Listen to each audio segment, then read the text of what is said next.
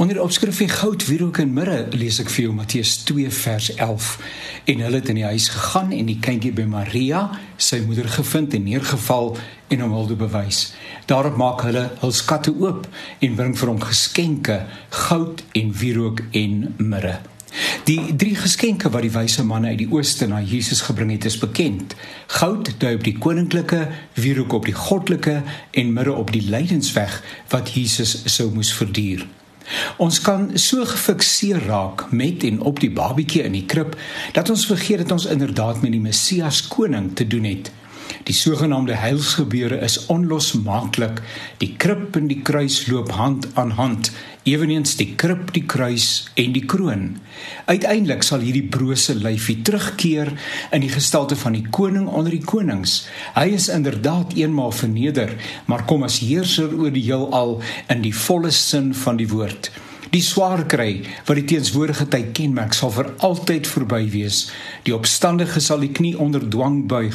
Die regverdiges, net 'n ander beskrywing vir gelowiges, sal in ekstase en verwondering sy almag besing.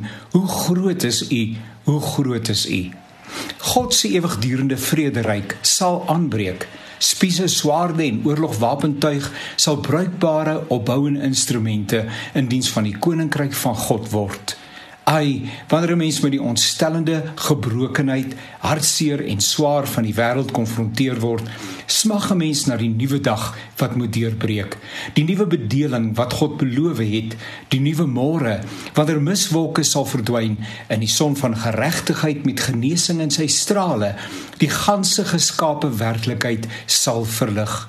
Goud, wierook en mirre Ons word ewenigs geroep om as konings in sy naam oor die verkeerde te regeer, om as priesters die grootsheid van God te verwoord en te identifiseer met mense in hulle gebrokenheid. Die lewe op aarde is immers nie 'n reis op 'n plesierboot nie.